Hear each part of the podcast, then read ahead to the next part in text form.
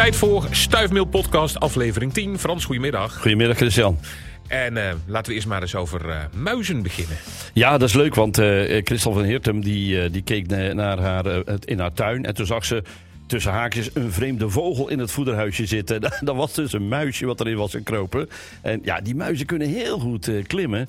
En dit muisje, uh, ik heb heel goed gekeken, het is een, de huismuis. En als je heel goed kijkt naar de, de huismuis. Foto, ja, foto die ook op de website staat van, uh, bij Stuifmeel. Ja. Dan zie je daar zo'n zo'n muisje in zo'n pot ja, een beetje opgevouwen zitten. Ja. En je ziet een hele lange staart en je ziet grote ogen. Nou, dat is een heel typisch kenteken van de huismuis. En dat zijn ook zeg maar kentekens van de soort muisfamilie wat hoort. We hebben in Nederland uh, vier uh, families eigenlijk. We hebben de ware muizen, de wolmuizen, de spitsmuizen en de slaapmuizen. Dat zijn de muizen die we hebben. Ja. En uh, die slaapmuizen, daar ga ik heel kort op zijn, die komt eigenlijk alleen maar voor in Limburg. En dat zijn twee oh. soorten. Ja. De hazelmuis en de eikelnootmuis. Dat zijn, of de eikelmuis. Dat zijn dus de twee soorten die dan voorkomen. Ja. En om dan toch iets te laten zien aan uh, de luisteraars van de Stuifmeel... heb ik een filmpje van die hazelmuis geplaatst. Oké, okay, die zien we en, dus bij de link. Die zetten we altijd bij ja, de beschrijving. Precies. Dus de beschrijving bij deze podcast, daar staat een linkje naar het artikeltje. Daar kun je dat dus zien. Ja, en deze muizen die houden dus een, een echte... Die, die slaapmuizen houden een echte winterslaap. En als je dan uh, verder gaat uh, googlen op internet... dan moet je dat maar eens een keer doen. Uh, onder andere op de, de titel Aapje van Zuid-Limburg... of, of ja? Snorrende Muis. Ja. Nou, dan krijg je dus een beestje, een heel klein beestje... van bijna 10 centimeter. Nou, dat maakt me toch een kabaal met slapen. Dus kei leuk om eens een keer op internet... wat van die soort filmpjes op te gaan zoeken. En dan komen toch regenachtige dagen aan. Ja. Dus wat dat betreft heb je tijd genoeg. Alle tijd, kerstdagen ook. Als je de familie even beu bent... ga gewoon even zoeken naar de, naar, naar de muizen in Nederland. Ja, precies. kun je er iets van zeggen van waar komt dan... als je nou een kat hebt, want heel veel mensen hebben een kat... en die komen ook wel eens ooit met een muis binnen. Kun je zeggen wat dat in de regel voor muis is? Of, Ja. pakken, ze, of pakken ze alles? Nou, nee, ze pakken niet alles. Over het algemeen pakken ze de ware muizen en de woelmuizen. Dat zijn de Ja. muizen die ze het liefst hebben. Die spitsmuizen, die hebben ze niet zo graag. Die ware muizen, ja, dat, dat zijn dus zeg maar hele typische muisjes. Die, als je het heel goed wilt vergelijken, dan moet je denken aan Mickey Mouse. Mickey Mouse is het typische voorbeeld Ja. van wat een ware muis is. Grote oren, grote ogen, een eh, mooie langgerekte staart en heel koddig in hun beweging. Ja. Nou, dat is Mickey Mouse ook. Dus, wij, hebben dus, wij doen veel onderzoek op muizen om te kijken wat voor soort dieren er zitten. Weet je ook meteen welke prooidieren daar weer op afkomen. Hè? Dus dieren die muis als prooi eten. Maar als je dus een, een, een, een bosmuis of een huismuis vangt, Ja. dan moet je wel een broodzak bij hebben van meer dan 60 centimeter. Want als die kleiner is, dan springt je gewoon uit.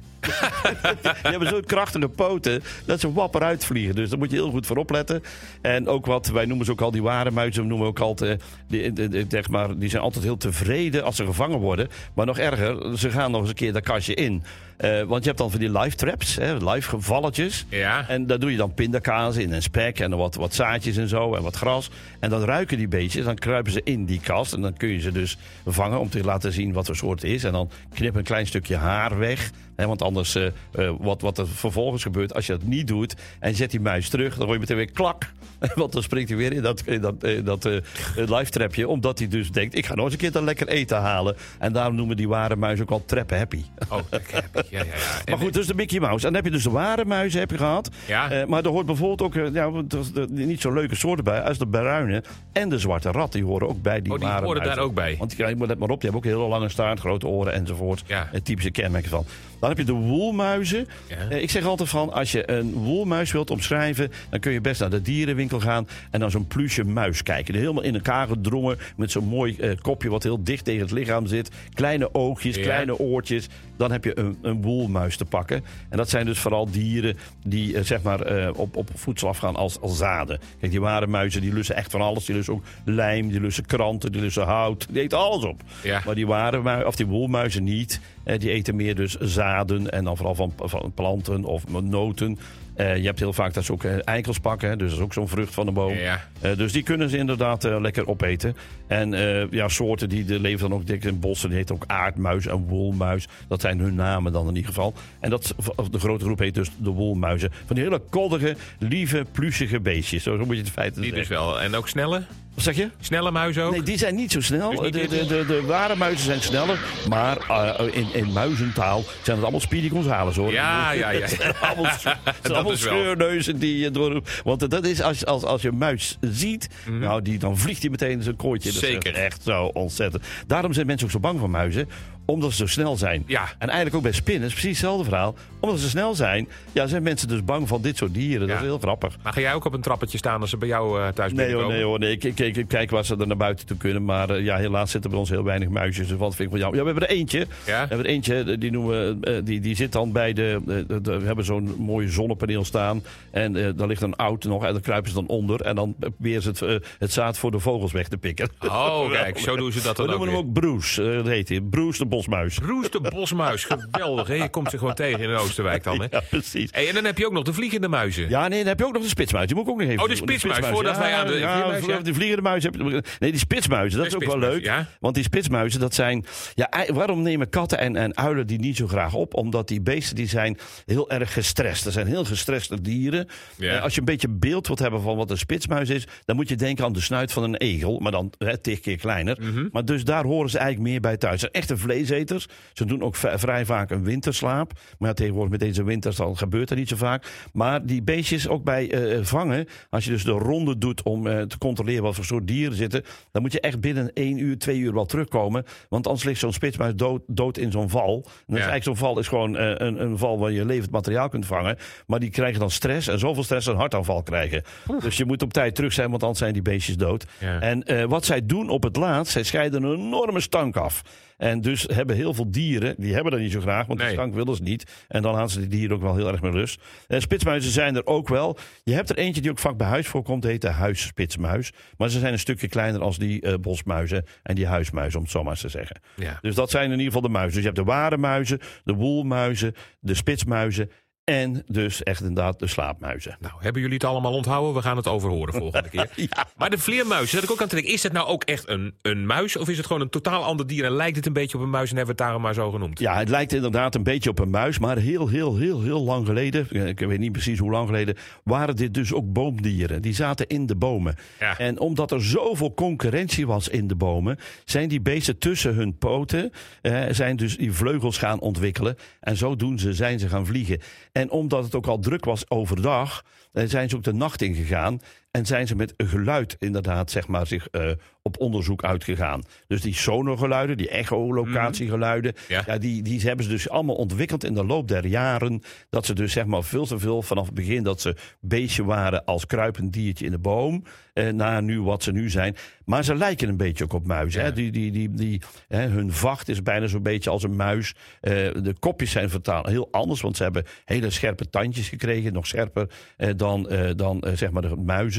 En ze hebben een beetje ingedeukt neusje. En dat hebben ze allemaal. eh, zo'n beetje. En daarom zijn ze toch wel weer heel anders. Maar oor- oorspronkelijk zijn dus ook zoogdiertjes geweest die in de bomen leefden.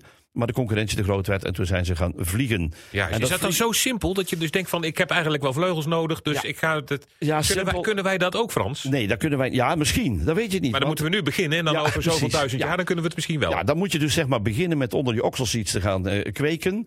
Of tussen je dat- vingers. ja, hangt je- wel wat, maar daar kun je niet mee vliegen, hoor. Nee, dat zou ik zeggen. Of tussen je vingers, wat die muizen hebben gedaan. Ja. Tussen je vingers proberen die, die velletjes wat uit te rekken. En dan in de loop der jaren, zeg maar, jouw nakomelingen. dan dat weer verder voortzetten. Want dat is dus het geval. Ja. Eh, eh, op een gegeven moment heeft er eentje een beetje, eh, zeg maar, wat vlies tussen de vingers ontwikkeld. En dat ging steeds verder. En uiteindelijk is dat het resultaat. Er gaat dus, zeg maar, duizenden jaren overheen. Ja. Dus, maar je ja. moet een keer beginnen, Frans. Ja, je moet een keer beginnen. Dus ik, ja, mensen die dat willen, die moeten nu een, een velletje tussen hun vingers uitrekken. Nou, misschien in uh, Stuifmeel podcast 6.282 dat we er iemand aan het woord kunnen laten. Ja, precies. Die, dan rond, die rond kan vliegen, ja.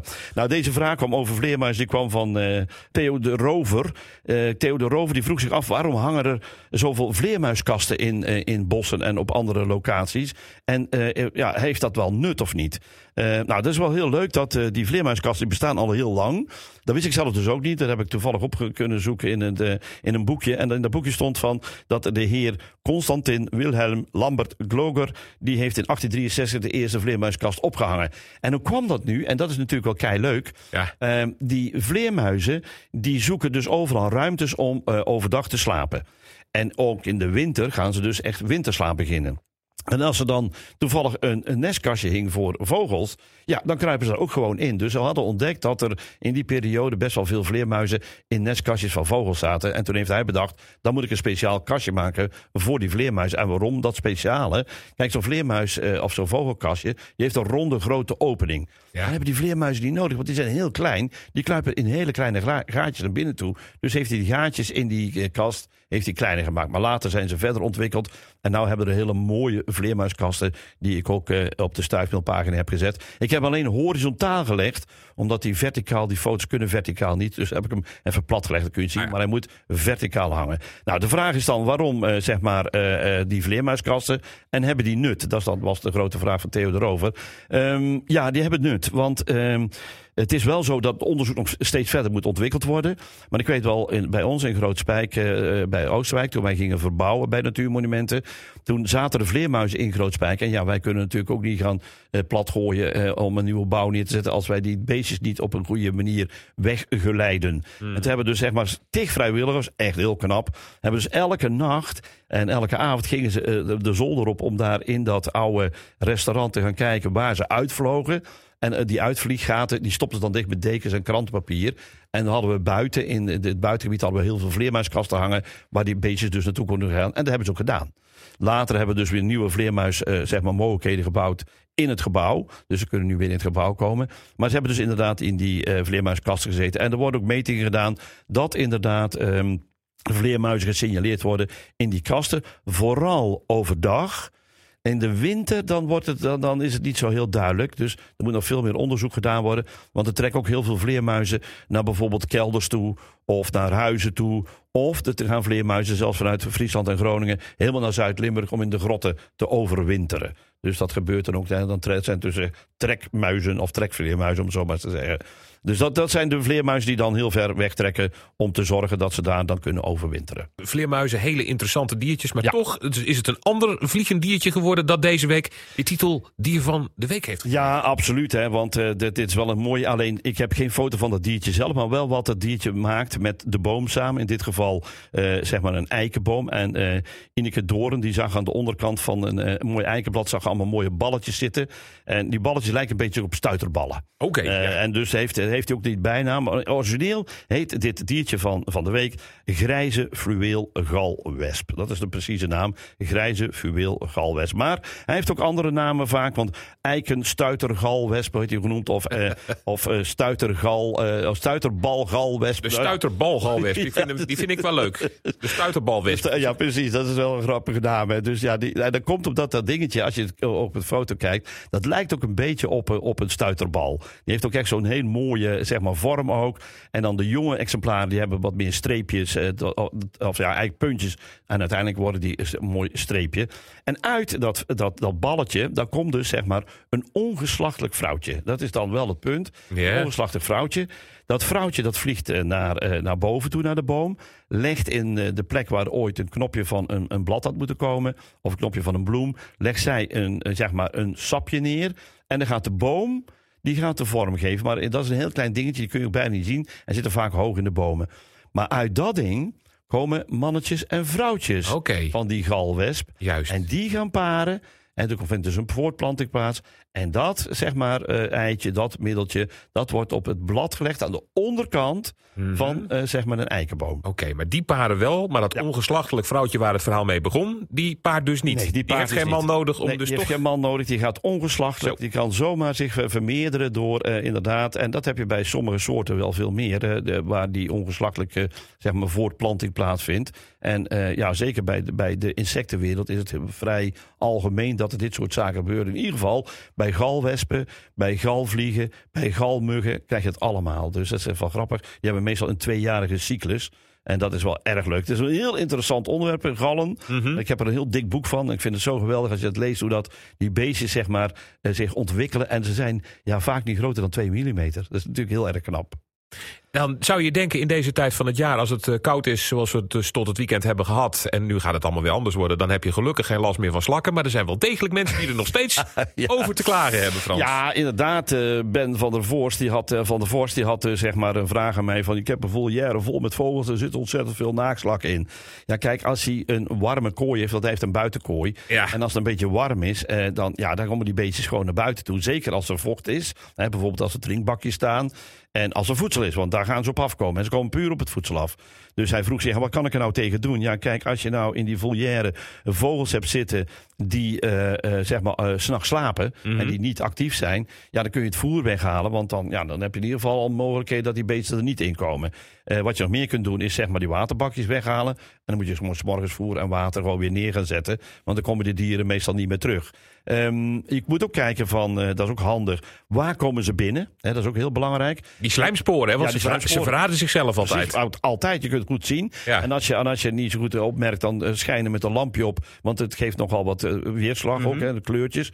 Dus, uh, en daar leg je dan koffiedik neer. Echt heel veel koffiedik sparen. En op al die plekken waar ze binnenkomen koffiedik neerleggen. En als je zeg maar heel veel koffiedik hebt, kun je misschien rondom de volière koffiedik leggen. En dan blijven ze ook af. Het is wel zo, ze kruipen. Ze komen soms van, van boven naar beneden toe. Dus je moet wel goed kijken of er bovenin ook uh, slijmsporen zitten. Um, wat je nog meer kunt doen is, uh, ja, dat zout, dat werkt dus niet. Dat moet je zeker ook niet doen. maar koffiedik, maar eierschalen werkt ook. Dus als je overal versnipperde eierschalen neerlegt, dan hebben ze een gruwelijke hekel aan. Dan komen ze ook niet overheen. Um, en tot slot, ja, wat je nog ook kan doen, uh, als je in de, de buitenvolière een mooie ruimte hebt voor planten te plaatsen, hè, dan, dan, is, dan zou ik dat volplaatsen met een aantal planten waar dus de slakken helemaal niet blij mee zijn. Dat zijn dus zeg maar tijm, uh, bieslook, wilde akkerlei, uh, steenanjer en ooievaarsbek. Nou, er zijn een aantal soorten, staat allemaal ook op de website die je zo over kan nemen. En als je die dan plant, dan gaat er geen enkele naakslak naar binnen toe. Dat is beloofd. Dat, is, dat heb ik nu beloofd, ja. Oké, okay, alles kom je ze zelf weghalen. Anders kom ik ze zelf weg. Ja, wat hij ook nog kan doen, maar dat moet hij zelf maar kiezen. Hij kan ze opeten. Want ze zijn, ja, eet, ze zijn eetbaar. Dus uh, hij moet alleen oppassen dat je het, uh, het scherpe dingetje, het, het zadel, zo heet het dan, dat is van kalk, dat moet je eruit snijden.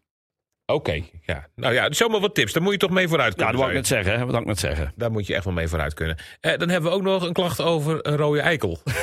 Eerst kunnen, het is geen klacht. Oh, het is geen klacht. Het is een vraag. Oh, het is een vraag. vraag. Oké. En uh, dat soort, uh, zo direct als je het nu stelt, dan stuur ik meteen naar de huisarts toe. in dit, dit, dit, geval gaat het over de vrucht van de okay. eikenboom. Oh, de vrucht van de eikenboom. Ja, en, en uh, hoe heet ze? Ingrid Wind, die, die was op zoek naar van, wat is dat nou? Want ze had dus die eikels gevonden die aan de binnenkant helemaal rood waren. Ja. En het is op internet gezocht en dan kom je op... Rode eikel, dan kom je op allerlei medische pagina's terecht. Precies, dat heeft geen zin om dat te doen. Dat staat helemaal niet beschreven. En daarom dacht ze misschien, weten uh, Christian en Frans het wel. Nou, ik niet, maar nou, Frans gelukkig wel. Ja, gelukkig wel, inderdaad. Want wat er in een eikenboom zit... Kijk, elke plant heeft een verdediging. Mhm. En dat is bijvoorbeeld bij uh, zeg maar planten die dorens hebben of, of, of stekels hebben. Dat is een verdediging dat ze willen, niet willen hebben dat ze opgegeten worden. Uh, de eikenboom heeft ook een verdediging. En de verdediging is looizuur. En looizuur, als je dat los hebt, dan is dat een beetje een roodachtige vloeistof. En uh, wat er nu aan de hand is, dat is per jaar verschillend. Mm-hmm. Maar we hebben nu een heel droog uh, jaar gehad. Heel weinig vocht ook.